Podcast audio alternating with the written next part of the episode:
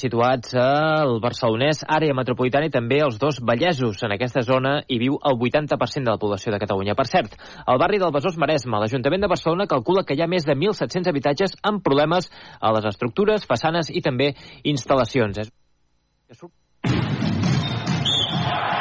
Bàsquet a Ràdio Manresa. L'equip encapçalat per Carles Coder i Josep Vidal t'ho expliquen tot el detall, amb prèvies, narracions, entrevistes i anàlisi de cada partit. 95.8 FM, radiomanresa.cat i aplicacions per iOS i Android. Aquest diumenge, a partir de dos quarts de cinc de la tarda, Baxi Manresa, Bascònia. Amb el patrocini d'Equívoc Albert Disseny, la taverna del Pinxo, Expert Joanola Fotomaton, Control, Frankfurt Cal Xavi, GST Plus, Viatges Massaners i Clínica La Dental Doctora Marín.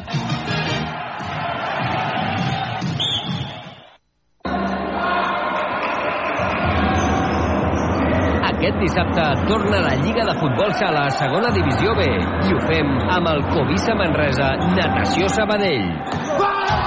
Els manresans necessiten continuar a la segona plaça i els sabadellencs enganxar-se a la zona del play-off. Dissabte al Pujolet, a dos quarts de set de la tarda, Covisa Natació. El play-off continua en joc. Vine a viure la segona B. Busques una perruqueria que realment es preocupi per la salut del teu cabell? Amb productes 100% vegans? Núria Serratós de Perruquers. Perruqueria unisex i per a totes les edats. Núria Serratós de Perruquers. Amb un tracte familiar. Núria Serratós de Perruquers. El teu cabell t'ho agrairà. Reserva hora trucant al 93 874 43 64. Plaça Bages 14, primer primera Manresa. Núria Serratós de Perruquers, perquè el teu cabell ens importa. Atenció, curs d'operador carretilla elevadora. Tipus de carretilla, frontal, apilador i transpalet elèctric. Possibilitat de fer també carretilla retràctil segons demanda. Preu per a particulars, carnet de carretilla, frontal, apilador i transpaleta elèctrica, 150 euros. Carnet de carretilla frontal, retràctil, apilador i transpaleta elèctrica, 180 euros. Els treballadors tenen la possibilitat de bonificar el curs a Fundae per empreses. Informació a GCT Plus Consultoria i Formació. Telèfon 722 76 41 11. E-mail formació arroba gctplus.com. Hora 14. Catalunya Central. Eli Pagant. Hola, què tal? Molt bon migdia. Passen 22 minuts i mig a les dues, hora 14, divendres 12 de gener. Hores d'ara tenim força sol, 7 graus de temperatura en aquests moments al centre de Manresa, Sant Domènec, amb un cap de setmana tranquil. A mesura que vagin passant els dies del cap de setmana, les temperatures seran més altes, especialment de cara a diumenge. Avui i demà encara més fred que no pas, com dèiem diumenge, que és quan pujaran les temperatures i a les màximes podrien arribar als 20 graus de temperatures. Per aquest cap de setmana també s'esperen fortes boires a la Catalunya central. Per tant, precaució. Avaria elèctrica al centre de Manresa des de quarts de dues del migdia. El centre de la capital del Bages pateix talls elèctrics, pateix talls, pateix talls de subministraments elèctrics, uns talls que ens hem vist afectats a aquesta casa, per la qual cosa doncs, vostès s'han quedat fa una estona sense poder sentir a la ràdio. Portem dos talls al llum, hores d'ara no sabem quina és la causa, per tant, doncs, uns detalls que no només ens afecten a nosaltres, sinó que també afecten al centre de la capital del Bages, especialment al carrer Nou.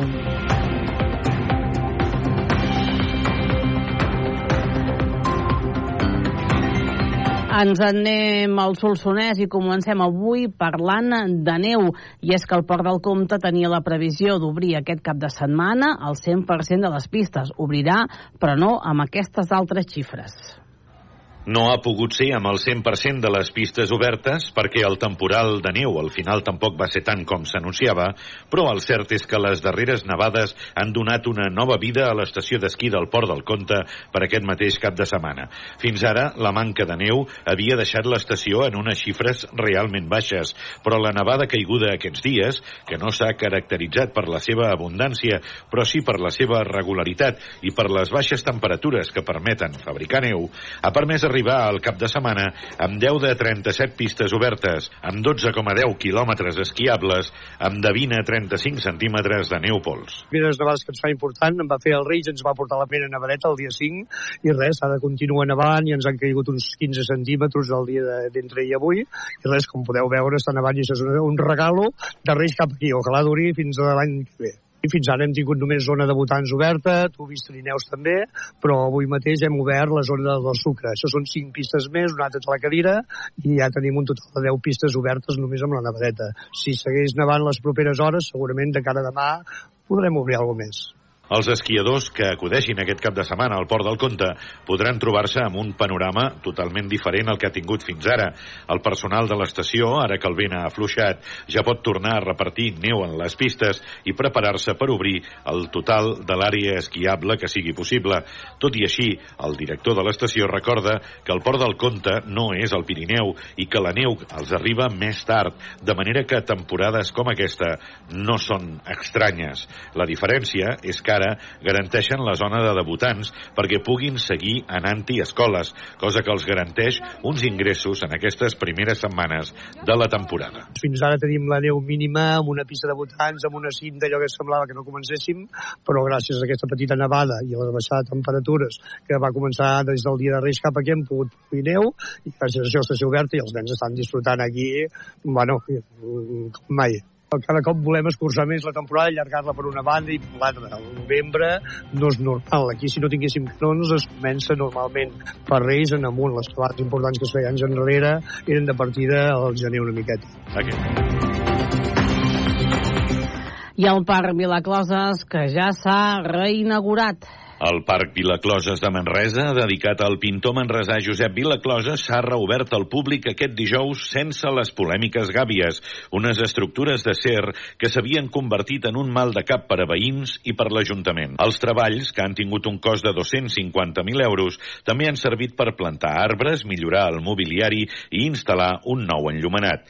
D'aquesta manera, segons l'alcalde de Manresa, Marc Eloi, l'Ajuntament salda un deute amb el barri i amb la família Vilacloses. Avui jo crec que tanquem un deute que tenia eh, la ciutat, l'Ajuntament, amb el barri i amb la família Vilacloses i amb aquesta comissió que durant anys ha batllat perquè tots aquells acords que es van prendre l'any 2011 i que es van referendar l'any 2012 doncs eh, es duguessin de terme en la seva totalitat i per tant es tanqués un episodi eh, d'aquest barri que eh, segur que no ha estat prou ben gestionat en els darrers anys. D'un parc que, que ja del seu, des del seu inici no va ser entès per una part de la ciutadania, dels veïns, i que eh, ja fa més de 10 anys es van prendre uns acords per tal de corregir alguns dels aspectes d'aquell parc que no havien estat entesos. Les obres de remodelació del parc han costat 250.000 euros. Van començar a finals d'agost i s'havien d'allargar durant 10 setmanes, però finalment s'han allargat més de 4 mesos. Hi havia prevista una duració de 10 setmanes, per tant, la primera setmana de novembre es preveia que es finalitzessin, però hi han hagut eh, diverses coses, diversos, diversos motius pel que no s'ha no pogut finalitzar. El primer és perquè eh, l'obra estava totalment acabada a la primera setmana de novembre, però faltava la plantació de l'arbrat i, i de la gespa, que això no es pot fer fins que no arriba ben bé el fred, perquè si no llavors no, no arrelen bé. I el segon motiu és que les lluminàries, les parts, les parts diguéssim, de dalt, el que fa la llum, no els bàculs, sinó les lluminàries, van arribar defectuoses i es van haver de tornar a fàbrica i fins a la segon, fins a l'última setmana de desembre no han tornat a arribar. El parc, que es va construir a finals del 2009, va costar 1,6 milions d'euros i havia de solucionar la manca d'espais verds al barri, però les estructures metàl·liques que s'hi van construir van generar rebuig entre el veïnat.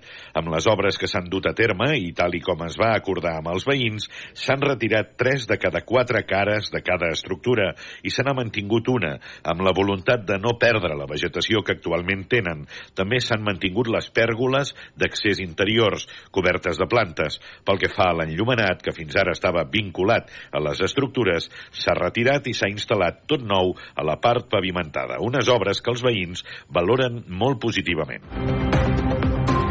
I abans d'acabar els hi diem que els mitjans de comunicació, Canal Taronja, per exemple, entre ells ensenya avui com serien els germans Òrrit, que van desaparèixer, recordem-ho, el 5 de setembre de l'any 1988. Uh, S'ha fet, doncs, mitjançant aquestes reconstruccions, com seria l'aspecte dels dos germans hores d'ara, el 2024. Són dos quarts de tres. Molt bona tarda i molt bon cap de setmana. Hora 14. El láser. Con Javier Casal. Dos y media, una y media en Canarias, Yolanda Díaz cierra una semana complicada con un anuncio celebrado por el Ministerio y también por los sindicatos. El salario mínimo subirá este año un 5%. Hoy España es un país mejor. Hoy los trabajadores y las trabajadoras ganan derechos. Hoy los trabajadores y las trabajadoras van a percibir un salario mínimo de 1.134 euros al mes. Cuando se negocia, se ganan derechos. Un salario mínimo que le permite a la gente trabajadora de nuestro país vivir un poquito mejor. Un salario mínimo que supone 54 euros más al mes. Estefanía Salvatierra, redactora de la sección de Economía. ¿Qué tal? Muy buenas tardes. Buenas tardes. Eh, Estefanía, es importante la subida, es importante el anuncio y no decimos acuerdo porque la patronal se ha descolgado y desde luego es muy importante, ¿no? El acumulado de subida